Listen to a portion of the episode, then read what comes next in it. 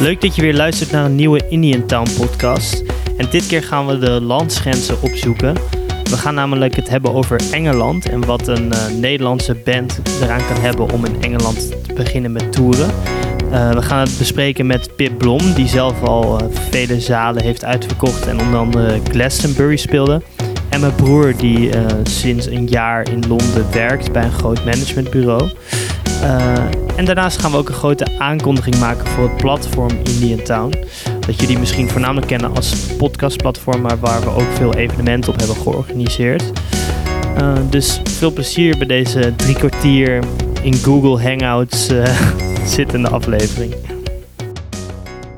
Als, als eerste voor de mensen die luisteren even een heads up. Wat we wel vaak als feedback meekrijgen is dat naast dat we op elkaar lijken, dat onze stemmen ook echt identiek zijn. Oh ja, fuck. Dus ik hoop dat het een beetje... Ja, ik hoop dat het een beetje te luisteren Dat wordt wel echt ingewikkeld, voor ja. mensen. Anders zet ik een, uh, een soort van slapback delay op mijn stem. Of een soort van rare Of je verlaagt hem een beetje. Ik wilde dus heel graag een, een podcast wijden aan het feit dat ja, er eigenlijk steeds meer Nederlandse indie bands zijn die de, de overstap maken naar Engeland en daar voeten aan de grond willen krijgen. Er zijn al een aantal bands die succesvol dat hebben gedaan. Uh, met natuurlijk Pip Blom als een heel goed voorbeeld. Uh, maar jij werkt nu in Engeland. En daardoor, en je bent natuurlijk al heel lang betrokken bij Platform Indian Town. En daar hebben we een speciale aankondiging voor. Dus misschien is het nice om daarmee te beginnen. Ja. Uh, ja. Dus het goede nieuws is voor mensen in Engeland dat we op 12 april, woensdag 12 april 2023, een editie van Indian Town gaan doen in Londen, in de Victoria. Dus dat wordt de eerste internationale editie van Indian Town. Um, dus daar heb ik heel veel zin in. Uh, dus, dat, dus dat is de aankondiging. En waarom we dat in Londen doen is omdat ik hier nu um, sinds begin vorig jaar woon. Ik doe hier artiestenmanagement bij U-Rock Management. Um, dat is het management van Liam Gallagher, Tom O'Dell en nog een aantal andere grote artiesten. Waarom denk je dat het ook vet is om het in Londen te doen? Waarom zou het ook werken bijvoorbeeld in Londen? Nou, ik weet natuurlijk niet zeker of het gaat werken. Dat is, dat is de vraag ja. nog. Maar, um, ja, ja, maar ik, ben, ik ben tot nu toe vooral... Wat zijn de ingrediënten dat het kan werken, zeg maar? Nou, sowieso zijn er heel veel vette bands hier. En er zijn gewoon zoveel muziekliefhebbers of gewoon jonge mensen die het vet vinden om naar bandavonden te gaan. Ik ben gewoon elke week wel drie avonden per week minstens in, in een van de venues hier. Dus de Victoria of de Shackwell Arms of de Windmill. Of om gewoon nieuwe bands te checken. En er zit altijd gewoon wel iets vets tussen. Is het, is het ook in Engeland echt meer levendig? Zeg maar, je hebt hier dan in Amsterdam nu een aantal plekken waar regelmatig je bands kan checken, zoals Cinetol, uh, Markt Centraal, um, Skatecafé, dat soort plekken, zeg maar. Yeah. Nieuwe Anita. Zijn er, zijn er dan meer plekken bijvoorbeeld in Londen? Of is het ongeveer hetzelfde, maar dan gewoon een grotere stad? Zo? Nou, het is sowieso een, een veel grotere stad. Want er wonen, wat is het, 10 miljoen mensen of zo. Dus het is gewoon een paar keer zo groot als, als Amsterdam. Dus er zijn sowieso veel me meer mensen en er zijn sowieso meer venues en dat soort dingen. Maar ik heb ook wel het gevoel dat, dat ja, vooral indie muziek of gewoon bandmuziek hier wel meer leeft of zo. In, in Nederland is dat ook Ja. wel, maar ik heb het gevoel dat in Nederland gewoon de, de popzangers of popzangeressen of rappers en dat soort dingen zijn. Hier, hier heb je natuurlijk ook popsterren en rappers en dat soort dingen, maar ik heb het gevoel dat bands hier nog wel wat groter zijn dan in Nederland. En, en er zijn waarschijnlijk heel veel redenen voor. Ja. Ik, heb daar, ik heb geen cijfers daarvoor of zo, of bewijs, Nee, maar het nee. voelt in ieder Maar geval wel alsof er ja. heel veel gaande is, ja. Ja, trouwens voor de mensen die luisteren die als ze denken... Godverdomme, maar ik wil een event in Amsterdam. Daar hebben we ook goed nieuws voor, want daar zijn we ook mee aan de slag. Dat eh, gaan we wel waarschijnlijk later doen, deze editie. Want deze editie is op 12 april, 12 woensdag april. 12 april. Ja. Misschien, misschien is het goed om, om het ook al te vertellen dat we eigenlijk van plan zijn om een brug te slaan tussen Amsterdam en Londen. Dus dat we Ja. nu aan het kijken zijn naar, om in juni een evenement te doen in Amsterdam en in Londen. Waarbij de line-up ook deels overlapt. En waar het eigenlijk ja, 50-50 Nederlands en Britse band zijn. Dus dat, dat is het, het plan, het idee. En ook goed om te zeggen dat, uh, dat ik het samen organiseer met Marieke Hulsinga. Um, zij is echt uh, heel erg in touch met de indie bands hier en de scene hier. Zij werkt voor een aantal, aantal coole labels. Um, dus, dus dat is een hele goede connect ook. En, en heel vet om dat samen met iemand te doen die hier woont. Ja, want over dat wonen. Um, wij weten in Nederland natuurlijk wel een beetje wanneer een band goed gaat. En wanneer iets momentum heeft. Maar dat is in Engeland natuurlijk een hele andere structuur, een hele andere industrie. Dus hoe weet je dan wat je wil boeken voor zo'n evenement? En dat, het een beetje, dat er een beetje mensen op afkomen. Het is wel grappig, want toen ik hierheen verhuisde was ik helemaal niet in touch met wat er dan hier gaande was of wat dan de coole nieuwe bands zijn. En dat voelt dan heel lastig, omdat je soort van ook niet de achtergrond weet van heel veel bands die hier dan groot zijn of zo. Maar, want wat bedoel je met achtergrond? Bedoel je dan de verhalen die ze, een soort van de, weet je, het verhaal van de band, nou, de, de groei die ze. Ja, nou dat is heel, heel interessant, waar ik eigenlijk nooit echt over na had gedacht. Maar wij als Nederlanders leren een band altijd pas kennen als ze in Nederland bekend worden. En, en als een band in Nederland bekend wordt, dan hebben ze vaak al een paar jaar dingen gedaan in Engeland. Ehm, waar wij dan eigenlijk helemaal of bijna niks vanaf weten. En, ehm, en om dan nu zeg maar in Engeland te zijn en, en die bands of bands helemaal vanaf het begin te ontdekken is iets heel anders. Dat heb ik nog nooit op deze manier gedaan. Ehm, het, is, het is een pro om hier te zijn, denk ik. Maar er zijn ook mensen die het op afstand kunnen. Want ik, ik was nu aan het appen met Dirk Baart, de, de programmeur van Echo. En met Kilian Keizer van 3 voor 12, een personal trainer. En zij hebben gewoon een hele. Ehm, ja, zij zijn echt in touch met wat er hier gebeurt ook door de blogs die ze volgen en de radio die ze luisteren of de playlist. Dus het kan wel, maar, maar ik merk dat het. Maar en wat is dan, hoe kan je peilen of een band een beetje lekker gaat, zeg maar, als je er niet live bij bent? Ik denk dat, dat mensen gewoon bepaalde outlets volgen die daar goed in zijn. Dus, dus je hebt So Young, maar dat is dus een, een tijdschrift. Volgens mij zijn ze ook een label die heel erg vroeg altijd erbij is. En er zijn gewoon een aantal labels ook die heel vet zijn. Speedy Wonderground is er één. Maar er zijn gewoon heel veel soort van dingen waar, ja, gewoon waar nieuwe muziek ontdekt wordt voordat het op, ja, weet ik veel, de de BBC uh, eh, Six of zo. Dat, dat is al een soort van een hele grote stap. Zeg maar. Daarvoor zitten nog heel veel kleine outlets. Wat is de vergelijking van de BBC met, met een Nederlands iets? De BBC is, is net als de NPO, is het de, de landelijke publieke omroep.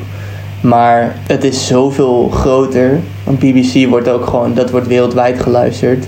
En het is sowieso dat, dat er meer mensen in Engeland wonen, dus meer mensen luisteren. Maar het is ook, ja, ik denk dat een BBC One is, is al redelijk alternatief voor wat wij kennen. Dat, dat is een beetje qua muziek denk ik te vergelijken misschien met 3FM. En dan BBC 6 is alternatiever. En dat is misschien een beetje 3 voor 12 radio. Of wat 3 voor 12 radio was, maar dan nog wel edgier. En, en iedere DJ heeft zo'n ander programma dat er ja, zijn gewoon heel veel edgy dingen. En dan BBC 2, Radio 2 is gewoon echt commerciëler en echt grote. Grappige referentie. Tenminste, als jij zegt dat dus de, de BBC's One eigenlijk al voor onze Nederlandse termen zeg maar, een redelijk uh, alternatieve programmering is. Uh, ik, vind dat, ik vind dat gewoon heel opvallend en best wel grappig. En dat doet me dan ook denken aan een verhaal wat jij ooit vertelde. Dat je met Jasper Meurs, de drummer van Banshee, naar Liam Gallagher was geweest. Uh, en dat je zei dat eigenlijk Liam Gallagher voor Engeland een beetje is wat, wat wij zien wat André Hazes hier is. Wel? Dat het echt een, een volksheld is. En dat mensen gewoon bier gaan zuipen en keihard meebrullen met, met Liam Gallagher liedjes, zeg maar. Ik vind dat... Want André Hazes is gewoon heel volks, heel erg plat, weet je wel. Heel erg, uh, hoe noem je dat? Man of the people en zo. Maar dat is dus in Engeland, is dat gewoon een rockstar of zo. echt- Iemand die in een band zit. Ik ga echt ontslagen worden is- omdat jij, omdat jij Liam Gallagher met André Hazes vergelijkt. Nee, nee, ehm, Ja, nee. nee, wat ik bedoelde was... Ik Het, vind, het was ik vind dat een grappige vergelijking. het was niet, het is niet helemaal een één op één vergelijking, maar wat me, wat me opviel was dat het gewoon, dat publiek is gewoon, zijn gewoon voetbalhooligans. Het zijn gewoon voetbalfans die gewoon met hun, met hun sjaaltjes en, en, en ook voetbalshirts. En hij is natuurlijk ook groot fan van, van eh, Manchester City. Dus het is heel erg. Ik, ik kon het nergens mee vergelijken in Nederland, omdat het gewoon. Ik, ik ken niet een band. Of ja, misschien. Ja, ook een Kensington heeft dat, is dat ook niet. Of een soort van. André Hazes is dan weer te. Ja, dat is dan weer heel erg anders. Maar ik vond het gewoon sick om te zien dat dus zo'n. Als hij, als Liam Gallagher in Nederland speelt, is dat gewoon een, een heel ander publiek. Volgens mij. Ik heb hem alleen op Lowlands gezien. Maar. ehm, En heeft dat denk je wel dus te maken met die Engelse cultuur van muziek, zeg maar? Nee, ik heb het, ik heb het gevoel dat. Dat, dat is helemaal mijn mening, maar ik heb het gevoel dat hier veel meer. Of dat het veel normaler is dat mensen naar gigs gaan. Dat het niet iets is voor alternatieve mensen om naar shows te gaan van een, een gitaarband, maar dat het veel meer dat iedereen, zeg maar, er komen ook heel veel alternatieve mensen naartoe, maar dat, er zijn ook altijd wel mensen waarvan ik denk van, oh, dat, dat zou ik in, in Utrecht of zo eh, minder zien. Dat er gewoon eh, random vaders of weet ik veel. Gewoon, en mensen die ook soort van, ja, gewoon best wel heel erg veel mensen die ook in hun eentje gaan en dat je dan gewoon met diegene aan de praat raakt en dan, ja, zijn gewoon hele ja, tussen aanhalingstekens normale mensen die dan gewoon, ja, ik ging gewoon even een biertje drinken, band kijken. Ik stelde deze vraag ook aan Pip Blom, die al vaker in Engeland heeft getoerd. Eh, ik heb altijd het idee dat in Engeland het meer, eh, ja, dat indie muziek eh, wordt gezien als een soort van bijna iets wat, ja, weet je wel, zoals al- wat mensen ook met voetbal heel erg kunnen hebben, dat ze dat ook met een soort van bands hebben. Dus dat mensen, dat mensen graag en veel naar bands gaan, dat het wordt gezien als een soort van, ja, ik wil het een soort van cultureel erfgoed noemen, dat is het niet helemaal, maar gewoon, het is eh, iets wat ze heel, ja, naar mijn mening, eh, heel erg in, in ieder geval in de cultuur zit. Dus naar festivals gaan, naar shows gaan, muziek luisteren. ehm, op een andere manier dan in Nederland. Mag ik, er, mag ik er één ingooien en dan kijken of je het ermee eens bent? Ja. Deze, de- denk je dat soort van hoe Liam Gallagher in Engeland is, is dat hoe André Hazes hier in Nederland is? Zeg maar op zo'n, niet natuurlijk Ja. exact hetzelfde, Ja, maar op zo'n soort manier. Gevoelsmatig is dan. Nou ja, iedereen kent André Hazes en mensen houden wel van André Hazes. Maar ik denk, het gebeurt niet heel vaak dat je met zo'n gemixte groep of doorsnee groep van de samenleving bij een concert staat van een indie Ja. band. Dat Ehm, zei Jelle ook inderdaad, ja. Dat het heel... Het voelt alsof iemand die gewoon een soort van eigenlijk niet per se... Hier heb je heel snel, te- naar mijn gevoel inderdaad, dat je naar een, bandavond gaat en dan, weet ik veel, twee weken daarna sta je gewoon met dezelfde groep Precies, mensen eigenlijk. Ja, ja, ja. Terwijl eh, Jelle zei dat dat dus in Engeland veel meer een soort van... Dat iemand denkt van, oh, ik ga even vanavond die band checken, weet je wel. Ja, dat idee Dus- heb ik ook altijd heel erg. En, en, en ook bijvoorbeeld, wij deden laatst, eh, gingen wij mee op tour met eh, Maximo Park. Wat, wat een band is waar ik wel benieuwd naar was wat het publiek was. Want ik kende Mhm. het zelf van zo één of twee hits van lang geleden. Dus ik was wel benieuwd van, goh, hoe gaat dat dan zijn? Ehm, en daar merkte je wel echt dat het ehm, wat meer mainstream publiek was. Dus daar moet ik wel zeggen dat ik voor het eerst wel... Want we hebben best wel veel support tours gedaan van verschillende bands. En zelf veel gespeeld. En in Engeland heb je dan altijd over de Six Music Dads. Dus dat is dan... Dat zijn veel mannen van in de 50 met eh bierbuiken die naar Six Music luisteren. Maar die wel allemaal best wel links georiënteerd zijn. Eh, Oké. je zal, ik denk dat je bij indie bands nog steeds een eh, grote groep witte mannen altijd zal zien. Dus het is nooit echt. Nooit, nooit, ook in Engeland vind ik het niet dat ik denk, nou, hier is het nou heel gemixt of zo. Het is toch blijft het eh, Ja, kennelijk Een specifieke groep. Ja, kennelijk wel. Ja. Maar, maar ik moet wel, ik heb daar wel het idee dat het al veel meer gemengd is dan in Nederland. In ieder geval de shows die ik heb gezien en ook vaak shows die wij spelen. Later meer met Pip Blom. Maar eerst gaan we het hebben over waarom een Nederlandse band in Engeland zou moeten spelen en hoe je dan je eerste stappen zet. Er wordt ook heel snel gezegd als iemand alternatieve muziek maakt van oh dan moet je niet in Nederland zijn, dan moet je naar het buitenland gaan en zo. Is dat denk je dan ook een reden dat, dat zoiets wordt gezegd? Omdat er uh, gewoon een, letterlijk een, een, een breder publiek voor is, omdat, omdat het normaler is om naar een concert te gaan, zeg maar? Ik denk dat, dat als mensen zeggen dat alternatieve bands naar het buitenland moeten, dat dat vooral is vanuit een oogpunt van als je daar je geld mee wil kunnen verdienen, dan moet je niet alleen dat in Nederland doen, want daar is de markt te klein voor. Dus waar wij het eerder deze week volgens mij ook over hadden van als jij een Paradiso kan uitverkopen, dan je moet gewoon heel veel Paradisos kunnen uitverkopen. Wil je er goed van kunnen leven met je hele band. Ehm, en dat kun je als, als alternatieve band kun je dat doen, maar dat, dat wordt op een gegeven moment niet sustainable of zo. En als je in alle landen toert, een soort van een veel grotere.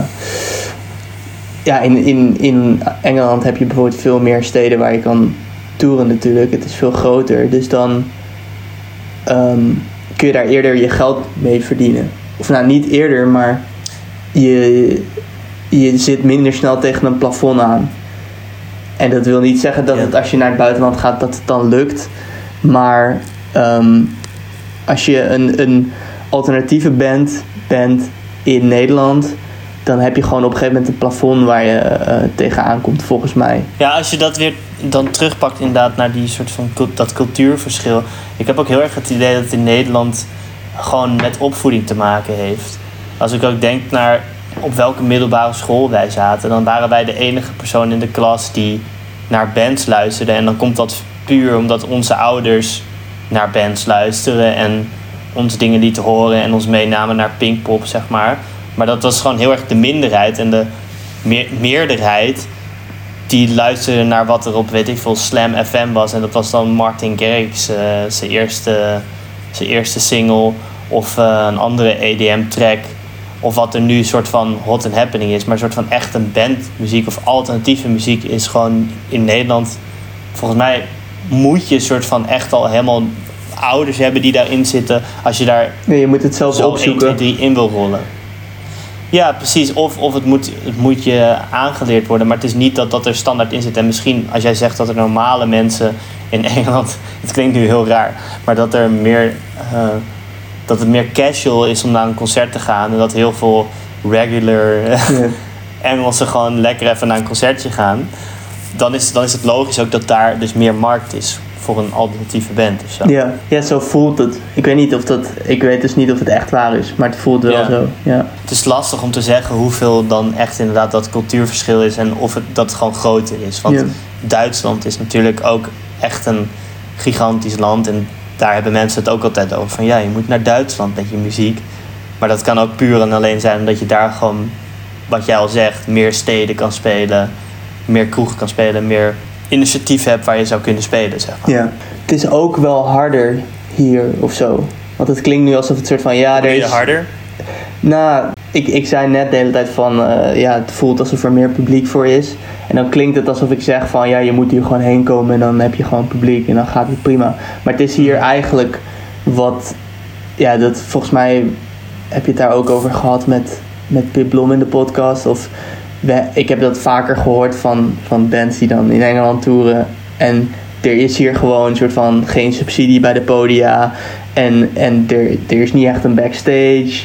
En je krijgt 50 pond betaald in plaats van eh, de minimum, eh, weet ik veel, 250, 500 of 1000 euro die je in Nederland krijgt. Als je op een legit plek Ah, staat. dat is ook niet standaard, maar Nee, nee, nee, maar... dat is nu een streep. Nee, dat, ja. Maar het is soort van... Het is wel echt harder hier. En ik denk dat daarom Ja. ook de bands gewoon... Of ja, het voelt dat alsof, alsof de bands daarom ook een soort van beter moeten zijn. Omdat je gewoon... Ja, je wordt er gewoon hard van of zo, denk Wow. ik. Dit klinkt echt een beetje als een VVD. Uh standpunt. Als, dan, uh, als je de subsidies weghaalt, dan gaan mensen echt hard werken. Nee, nee dat is maar waar, totaal, je, waar je het over hebt is... Totaal niet hoe ik erin sta, maar... Is, um, yeah. Maar het voel, ik, ik wilde ja, gewoon meer verdedigen... Ver, ik wilde gewoon meer verdedigen van... Uh, dat, ik, dat ik eerst zei van... Alsof het soort van heel makkelijk is hier om... Uh, om als, als band gewoon te komen spelen. Maar het is hier gewoon fucking hard. En je ziet het aan, aan een Piplom of een personal trainer, die, die komen hier gewoon heel vaak. En daarom bouwen zij, uh, en omdat ze fucking goed zijn, daarom bouwen zij wat op. Maar als je als band hier soort van één keer in de paar jaar komt of zo, dan is dat gewoon heel lastig. Hoe kun je dan als een band in Londen, of laten we het helemaal gek maken, Amsterdamse band die een beetje in Engeland de naam wil krijgen, hoe kan je dan wel stappen zetten? Zeg maar? Wat zijn dan je een beetje, het is natuurlijk uh, een grote vraag die ik stel, maar een beetje uh, versimpeld, zeg maar. Wat zijn dan stappen die je onderneemt? Want je moet natuurlijk gewoon optreden en een publiek vinden. Maar in Nederland heb je best wel, wat ik zei, dat je gewoon op een gegeven moment jezelf een beetje in de kijker kan spelen op bepaalde specifieke showcase festivals mocht dat een popronde of een Noorderslag zijn, zeg maar. Ja. Uh, wat is dat in Engeland? Wat zijn dan de, de tussenfases, zeg maar? Zijn er specifieke plekken waar je moet spelen? Of? Wat, ik, wat mijn gevoel nu heel erg sterk is, nu ik hier ben, ja, dat een band hier gewoon echt vaak moet zijn. En echt veel moet spelen om gewoon te kunnen, ja, tussen aanhalingstekens, te kunnen concurreren met bands die hier zijn. Want bands die hier zijn, zijn ja. echt fucking goed. En als jij dan minder vaak hier speelt en, en je komt één keer langs en een andere band komt tien keer langs, dan, dan word je gewoon minder snel onthouden of zo. Dus de kans dat jij hier echt een following opbouwt en dat je hier de juiste mensen ontmoet en ja, een, een, uh, een agent vindt of een label of een manager vindt, die kans is gewoon heel klein als je hier maar één keer per jaar bent. Toen ik nog met Bungie werkte, als management. Toen gingen wij naar Engeland en daar hadden we dan een aantal mensen uitgenodigd, waaronder uh, een agent. En dan ga je gewoon biertjes drinken met die, met die gast en dan ga je de band kijken en dan ga je daarna met hem chillen. En dan de week daarna dan spreek je nog een keer met hem af en dan ga je naar een gig of zo. Of je gaat met iemand naar een festival en je, je, het is gewoon die connectie opbouwen en mensen leren kennen. Ook in een scene, denk ik, van...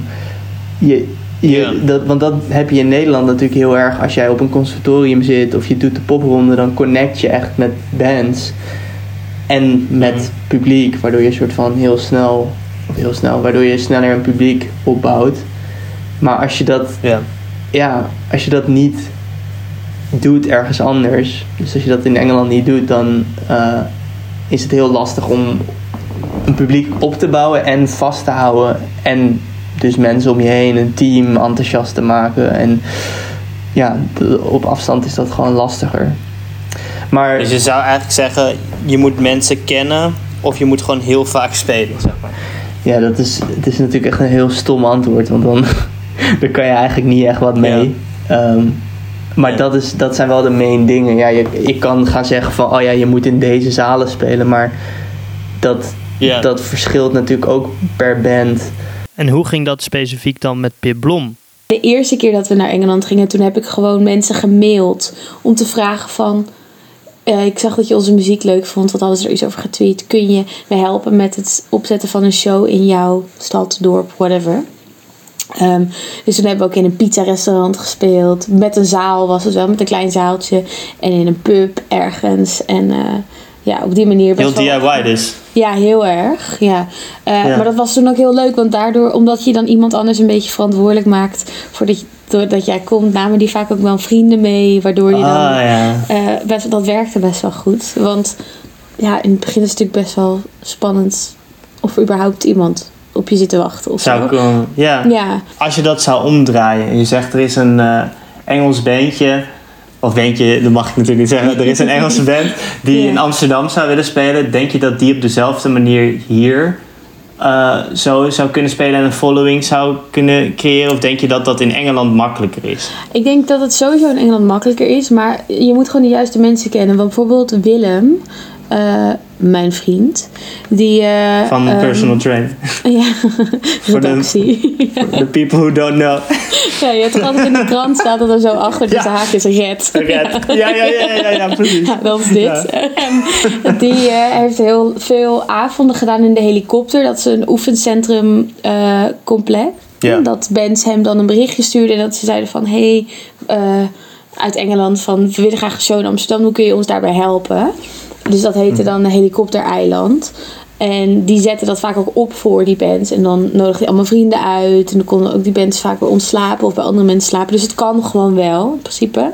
Maar je moet dan wel contact hebben met mensen die daar zin in hebben om dat helemaal te gaan doen. En ik heb het idee dat in, in Nederland kom je toch gewoon eerder in een zaal terecht. Wat niet per se slechter is hoor. Want je krijgt waarschijnlijk iets meer betaald dan in Engeland. En je krijgt wel drinken en misschien ook zelfs wat eten. Ehm, maar in Engeland heb ik wel het idee dat er veel meer bandavonden zijn waar je op zou kunnen spelen. En ik denk dat dat voor zeker beginnende bands die nog niet echt iets hebben in Engeland, dat dat echt perfect is. Want dan speel je gewoon met vier of drie andere coole bands. En dan ja. uh, kan je op die manier natuurlijk publiek uh, aan je proberen te binden. Want je noemde, je noemde net al even kort voor de Brexit, zeg maar. Denk je, zou je nu ook dat advies geven aan beginnende bands van ga gewoon naar Engeland toe? Of zeg je nu, kijk, voor jou, met jou was dat natuurlijk anders, omdat het minder duur was toen je eenmaal begon. Nu kan je er uh, sneller iets rendabels uithalen, omdat je op hele vette festivals hebt gespeeld. Je verkoopt inderdaad al zalen uit en zo. Maar iemand die nog helemaal begint, zeg maar, zou je dat dan wel, zou jij dat aanraden? Hoe ik erover denk is. Um, je moet je gewoon een beetje afvragen waarom je dit bent gaan doen als je het heel leuk vindt om in Engeland te spelen, dan moet je er gewoon voor zorgen om dat voor elkaar te krijgen. En uh, ja, probeer dan op een creatieve manier dingen te bedenken. Um, en het is vervelend dat er extra obstakels zijn die meer geld kosten, zoals het carnet. En dat je een certificate of sponsorship moet hebben geregeld. Maar in principe is het niet, het is niet een visum naar Amerika. Dat is, kijk, nee. dan zou ik, als je het daarover gaat hebben, zou ik zeggen van ik weet niet of ik dat zou doen. Dat het gaat om zoveel geld. Dat, je, dat gaat gewoon om 10.000 euro minstens. En in dit geval denk ik van ja, het, het kost wat extra tijd en daarom wat meer geld. Maar het zal in totaal is het niet. Ehm, ja, het is niet een kapitaal waar je nooit meer, wat je nooit meer kan terugverdienen. Dus um, als het je leuk lijkt, zou ik het zeker wel gewoon doen. Maar probeer, probeer na te denken over hoe je ja, kosten kunt besparen. Of, waar, of ga niet, weet je wel, probeer een paar leuke shows te hebben waarvan je echt denkt, hier hebben we wat aan. Um, ja. En niet, niet in elke random café of zo. Ja, dat, dan is het misschien een beetje zonde van je tijd als je gewoon maar ergens gaat spelen. Je hebt, je hebt dus in een, pizza, in een pizzazaak gespeeld, wat al best wel iets zegt over soort van de, de creativiteit en de DIY-heid van van Engeland of van de muziek zien. Dat is ook wat Jelle tegen me zei.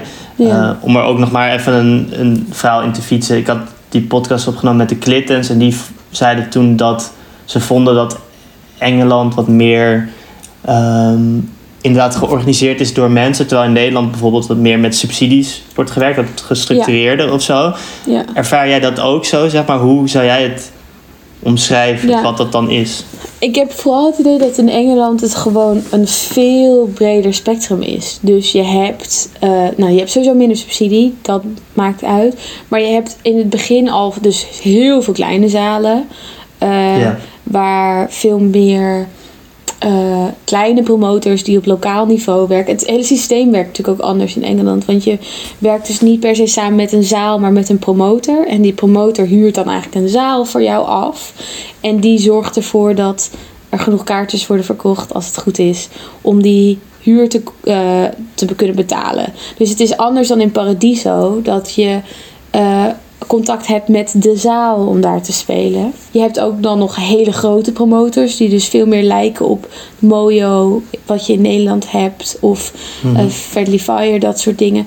Uh, dat heb je ook allemaal. Dus het is natuurlijk niet dat het alleen maar DIY is en um, uh, houtje touwtje. Je hebt ook best wel uh, eh, ja, andere uitersten. Maar ik denk, hoe, hoe ze dat in Engeland noemen, zijn, die, zijn de grassroots venues. En dat zijn de zalen die in de dorpen zijn en waar, uh, waar je je carrière eigenlijk begint. En Ja. eh, dat vinden ze daar heel belangrijk. En eh, ik ben het daar heel erg mee eens. Want hoe Het- meer, Bedoel je daarmee het publiek in het algemeen, zeg maar? Publiek, maar ook de- ook de cultuursector. Dus je hebt dan je hebt de Independent Venue Week, waar ze dus waar ze allemaal wat echt een week is om het uit te lichten van de zalen die dus independent zijn. Dus die niet bij grote eh, organisaties zijn aangesloten. Dat zijn vaak allemaal kleine zalen. Ehm, nou, dat vinden ze heel belangrijk. Maar dus dat, dat eh, je hebt daar ook ehm, de Lotto in Engeland steunt ook de Music Venue Trust, waar dus heel veel geld naar die kleine zalen gaat. Dit komt natuurlijk Mhm. ook allemaal omdat ze geen subsidie hebben. Eh, Ja. en dat is, dus het zit, ja, het zit gewoon wat anders in elkaar of zo. En ik denk dat allebei dingen hebben voor- en nadelen. Dus zowel Ja. eh, dat, dat hele DIY is super fijn, want je kan, eh, je, hebt je kan er makkelijker instappen als act. En ehm, eh, het is een hele goede manier om te beginnen. Maar op een gegeven moment, als je dat natuurlijk alleen maar aan het doen bent, word je daar ook wel gek van. Want wil je wel graag meer dan vier biertjes en, Ja. drie, en drie pond. Ja, dus dat, dat is natuurlijk het voordeel van als je in Nederland wat meer subsidie hebt. Dat je gewoon een gage krijgt voor het werk wat je doet. Oké, oké. Er zijn dus heel veel verschillen op de businesskant van de muziekindustrie tussen Nederland en Engeland. Maar ook op artistiek en muzikaal vlak zijn er veel verschillen. En daar wilde ik Jelle nog een paar vragen over stellen. Wat ik ook heel vaak merk in Nederland, wat op zich heel vet is, want ik ben zelf daar ook fan van, maar dat bands heel vaak wel een alternatieve sound hebben, maar toch vaak denken van, oh, maar het moet wel catchy zijn of het moet wel toegankelijk zijn, weet je wel? Ja. En daardoor klinkt iets dan wel alternatief, maar uiteindelijk is het, blijft het gewoon toegankelijke muziek of zo. Terwijl de dingen die jij in die playlist had staan, daar dacht ik echt van: wow, dit is iets nieuws of zo. Terwijl het zal heus niet, niet vernieuwend zijn of zo, maar het klinkt voor mij helemaal fris of zo. En dat heb ik heel weinig in Nederland. En is dat dan meer in Engeland of zijn er gewoon meer bands? Of, Het, ik denk, het zal, sowieso, het zal sowieso te maken hebben met dat, dat het gewoon uit een ander land komt. Dus dat het dan voor jou frisser klinkt. Ik denk dat als, als ik een playlist maak met allemaal bands uit, uit Amerika, dat je hetzelfde hebt. Of misschien zelfs allemaal bands uit Frankrijk. Dat je dan, dan heb je ook waarschijnlijk iets van, oh, dit is anders dan Nederland. En wat ik dus wel, of wat er ook in meeweegt, denk ik, omdat je dan een native speaker bent, Engels, voelt het veel comfortabeler. Zeg maar, de teksten voelen veel comfortabeler. En ik heb dus ook het gevoel dat mensen hier dus ja, meer dat al- alternatieve muziek, bandmuziek meer in de cultuur zit. Dus dat dat het voelt gewoon bijna alsof die mensen dat soort van ademen meer dan. eh. In Nederland heb je dat ook wel. Maar ik heb het gevoel dat dat hier iets meer is. Dat klinkt, dat klinkt misschien heel lullig en dat bedoel ik niet zo, maar. ehm, nee, ik denk, ik denk vooral dat dat native speak eh, er, er wel echt heel erg mee te maken heeft. Omdat je dan dus. Je kan veel makkelijker. ehm, ja, je, volgens mij kun je veel makkelijker dingen uiten. Of zo. Ja, En het voelt dat natuurlijker klinkt wel interessant. ook met, met performers, zeg maar, niet alleen songs, maar tussen de songs door, ehm, vo- dan, dan voelt het veel meer op je gemak, omdat je gewoon in je eigen taal. Het is hetzelfde als, als ik soort van. Gewoon praten met het publiek bedoel je? Ja, dat is hetzelfde als ik nu met jou praat, dan hoef ik er niet over na te denken, soort van. Wel over wat ik zeg, maar niet over hoe je. Soort van, uitspraak. ja, en dat is toch een extra stap die erbij komt kijken. Ik zag laatst Ja. Girl Scout, band uit Zweden. ehm, die speelde hier in Londen. Daar vond ik dus wel echt heel. dat ze super goede humor hadden en super goede. of ja, gewoon heel spontaan tussen de nummers door. Dus dat, dat viel me dan oprecht op. Zo van. Oh ja, dat. dat, ehm, dat is echt een skill te hebben. Ja. Ehm, nog heel even verder gaand dan op, op eh, die sound. En weer even iets terugpakken uit die cultuur. Want ik had het dan al over dat in Nederland minder mensen opgroeien met bandmuziek of alternatieve muziek. En er is ook een zin die al heel lang rondgaat en dat is dat rock dood is. Uh, heb jij ook het idee dat dat dan minder dood is in, in Engeland?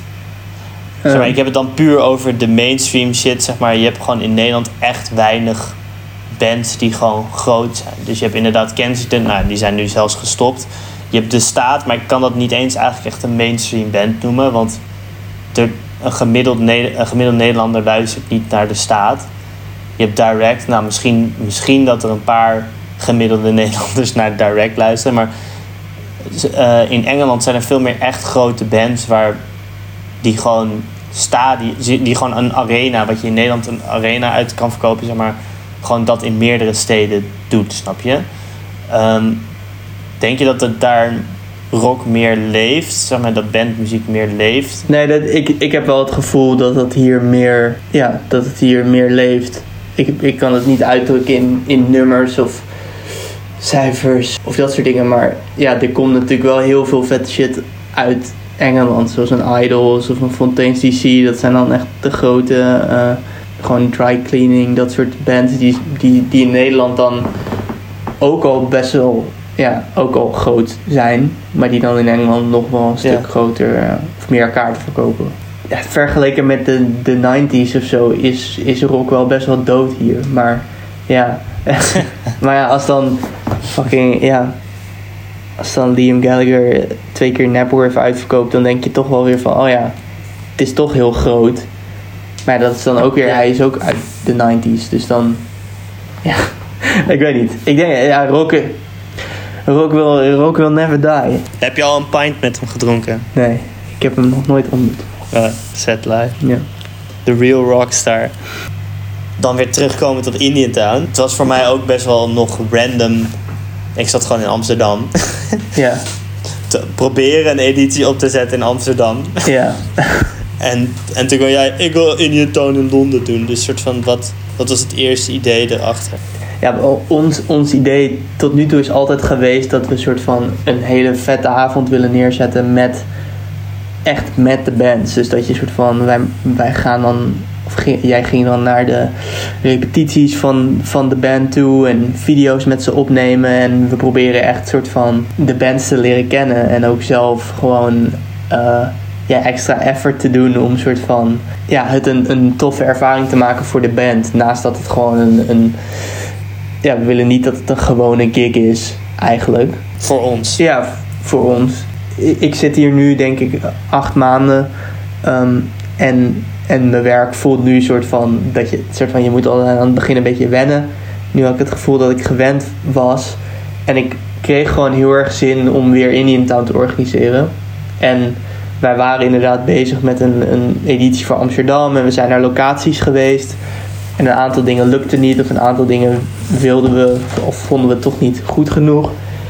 En toen dacht ik, als ik hier zit, dan is het veel makkelijker om dat gewoon hier te gaan proberen. En het voelt ook als een soort van toffe uitdaging en een, een toffe nieuwe start of zo. Of eh, als een. Ja, het voelt gewoon als iets, als iets nice om te doen. Een, een, een vet. Uh, het is gewoon spannend. Ja, de locatie is dus de Victoria. Uh, dat is de plek waar, waar Bungie ook hun eerste show in, in Engeland heeft gespeeld. Dus ik vind dat gewoon een hele vette plek, omdat het een zaal heeft, maar ook een bargedeelte.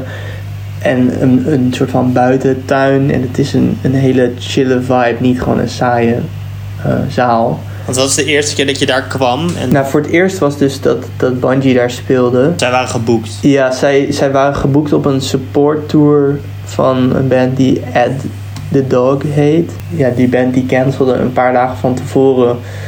Um, en Bungie wilde niet cancelen. Dus toen heeft die promotor, die dus die hele tour had geboekt, mm heeft die tour soort van, zover het kon, heeft hij dat omgezet in een, in een Bungie tour en dan met andere bands erbij. Ehm, dus, dat was, dus dat was hun eerste show daar. Um, en eigenlijk gelijk dacht ik van, oh dit is echt een vette plek. En dat was ook een hele toffe avond, veel mensen. En, um, wat zijn vergelijkenissen met Nederlandse venues, zeg maar? Nou, het is allemaal, de Victoria is volgens mij 200 kap ongeveer. eh, en Shackwell en zo zijn ook rond de tussen de 150 en de 250 allemaal uh, die venues. Dus ja, wat is dat? Een soort Cinetol. Cinetol, of de, wat de Sugar Factory was. Ja, qua feel voelen die zalen hier voelen als een, als een Staten of een nieuwe Anita. Um, maar meer, de capaciteit is groot. Ja, maar dan iets groter. Dus het voelt meer als een café. Um, een soort van gezelliger dan een lege zaal, zeg maar. En waarom, waarom zeg maar, om Batman te quoten, zeg maar. Waarom verdient Londen en India? Het is grappig, want ik had een meeting met een, um, met een promotor hier. En zij organiseert dus een avond waar ze drie nieuwe bands neerzet in een, in een ja, 150 capaciteitszaal. En ik, ik ging met haar praten om soort van te vragen van ja, hoe, hoe doe jij dat en wat, wat vind jij er leuk aan? Hoe ontdek je de bands en hoe soort van ja, gewoon een beetje levelen en kijken hoe dat hier werkt. Give me the juice. Ja, precies. En zij zei eigenlijk dat zij dat evenement gebruikt als soort van als een agent tegen haar zegt: hey, we hebben nog deze jonge nieuwe band en die willen we laten spelen, dan, dan organiseert zij dat omdat ze dan die band kan wegzetten. Dus dat is een heel ander doel. En ik vroeg haar dus ook van, heb je veel terugkerend publiek? En toen zei ze, nou eigenlijk helemaal niet. Het zijn gewoon de fans van de band. En toen dacht ik van, oh shit, dit is echt een soort van totaal het tegenovergestelde van wat wij doen. Ja, dus, het, idee, het idee erachter bij ons was gewoon meer dat mensen meer komen van oké, vet, ik ga gewoon een band kijken. En als je, ook als je de line-up niet weet, dat je gewoon sowieso een leuke avond gaat hebben of zo. Ja, dus dat, toen, toen ik dat, dat gesprek had gehad... Dat meisje dus niet. Nee, het meeste wordt gewoon allemaal door, nou ja, door de, de promotors. Eigenlijk alles wordt dan door die promotors opgezet. En die organiseren zoveel avonden dat qua marketing zie je ook heel weinig interessante dingen gebeuren. Of ik heb ze nog niet gezien, dat kan ook. Maar nou, je ziet gewoon de, de standaard soort van poster in de venue. Je hooguit een Facebook evenement en één post op de soort van socials van de promotor en dat, dat is het. Dus ik denk dat daar gewoon heel veel te halen valt van wat wij deden met de video's maken met de band. Een soort van als introductie, grappige dilemma's. Gewoon echt een soort van met een karakter. Ja, die bands neerzetten en Indian Town neerzetten. Want is, het, is dat er echt niet in Londen? Ik kan me dat bijna niet voorstellen. Het is er, va het is er vast wel, maar ik, ik heb het nog niet... Je hebt het nog niet gezien? Ik heb het nog niet zo gezien. En wat ik dus samen met Marieke ga doen, is dat we dus ook die bands ja, wat meer gaan aanbieden. Dus weet ik veel, dat we persfoto's met ze gaan maken. Of ja, Marieke is een supergoeie fotograaf en, en videograaf. Dus dat we bijvoorbeeld een live sessie filmen bij de soundcheck. Of gewoon dat soort ideeën lijkt mij gewoon heel vet om te doen. En, en is... Ehm, gewoon een experimentele promo-idee bedoel je? Ja, gewoon, gewoon, en gewoon de band meer bieden dan een optreden. Maar heb je dan nu ook verwachtingen erbij dat het dan een soort van... Het is, het is wel tof, want ik voel heel erg... Want er is niet een heel groot risico, zeg maar, er is wel een financieel risico. Maar als het flopt, dan is het niet het eind van de wereld of zo. Maar toch heb ik dus heel erg het gevoel van dit moet gewoon, dit wordt gewoon heel vet. En ook een soort van iedereen, bijna iedereen die ik spreek, die zegt wel van, oh ja, ik zet het in mijn agenda, oh ik kom wel. Of ja, ik heb, ik heb er wel een goed gevoel over. En ik denk dat het gewoon een hele vette eerste stap is. Dat het gratis is, dat het een, niet een mega grote zaal is.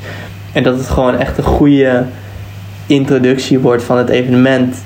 En dat we dan daarna dus, zoals we eerder zeiden, in, in juni echt een goede soort van crossover kunnen maken tussen, tussen Nederland en Engeland. En dan mogelijk ook met, met ehm, subsidie misschien daar wat mee kunnen doen, waardoor we de band nog meer ehm, kunnen helpen. Of nog meer soort van mogelijkheden. Ja, want denk je ook, is dat ook een onderdeel van de visie dat inderdaad, als je zegt je doet iets met in Amsterdam en in Londen dat we ook iets kunnen betekenen voor de bands die dus in Nederland zitten en die naar Engeland willen gaan. Of voor bands die in Engeland zitten en een eerste stappen willen maken in Nederland of in, in, de, in het Europees vasteland. Zeg maar. dat, dat lijkt mij het vet. Ja, als, als we daar iets in kunnen betekenen. En het is volgens mij heel erg. Het is gewoon best wel lastig om als om als Nederlandse band soort van je, je eerste gigs in Engeland te spelen als je hier niemand hebt zitten. Ja. Dus als je soort van niet een niet al door je muziek uitgebracht te hebben een, een label of een agent of iemand of een promotor geïnteresseerd hebt, Mhm. dan je kan hier niet zomaar even heen rijden en zeggen van hey, kan ik alsjeblieft kan ik spelen of zo. Dat, Nee. Ehm, dus, dus het is heel nice als wij dat als wij bij- daarbij kunnen helpen om soort van bands voor het eerst hier te Ja. laten spelen. En dat er dus ook dat er gewoon mensen zijn die daarna misschien ook nog wat kunnen betekenen ehm, voor die bands. En niet, Ja, ja. niet zeggende dat het dan een soort van showcase wordt. ja. En het is gewoon heel leuk. Dat is het dus ook. Een soort van, niet, Ja, niet alles ja, ja. hoeft een professioneel doel te hebben of zo. Maar het is gewoon vet als zo'n band. Ja, als je als band ja. op tour kan en, en hierheen kan komen om te spelen. En Ehm, ik zit nog even te denken. hoe ga je dat dan doen met dit visum? Hoe ga je dat dan doen met de brexit? en dat ik dan zeg, ehm ja, De visum, dat eh, kan je zo ik moet gaan. Dus niet moeilijk over, Nee, dat hoor. heb je zo binnen een paar weken heb je dat gewoon. Gitaar op je rug. Je kan gewoon doorlopen hoor. Hoppakee. Kom maar, kom maar allemaal. Gewoon drumstel in de Eurostar. Even subsidie trekken. Maar die Engelsen willen heel graag dat de Nederlanders spelen in de, de kroegen daar in Engeland. Ja, ze hebben hier niet genoeg, heel ze hebben hier niet genoeg muziek. Dat was hem weer voor zover de laatste Indian Town podcast. Hou dus voornamelijk eh, onze socials in de gaten voor de nieuwe editie van het evenement op 12 april in Engeland. En toekomstig ook eentje in Amsterdam. En eh, je hoort snel van ons.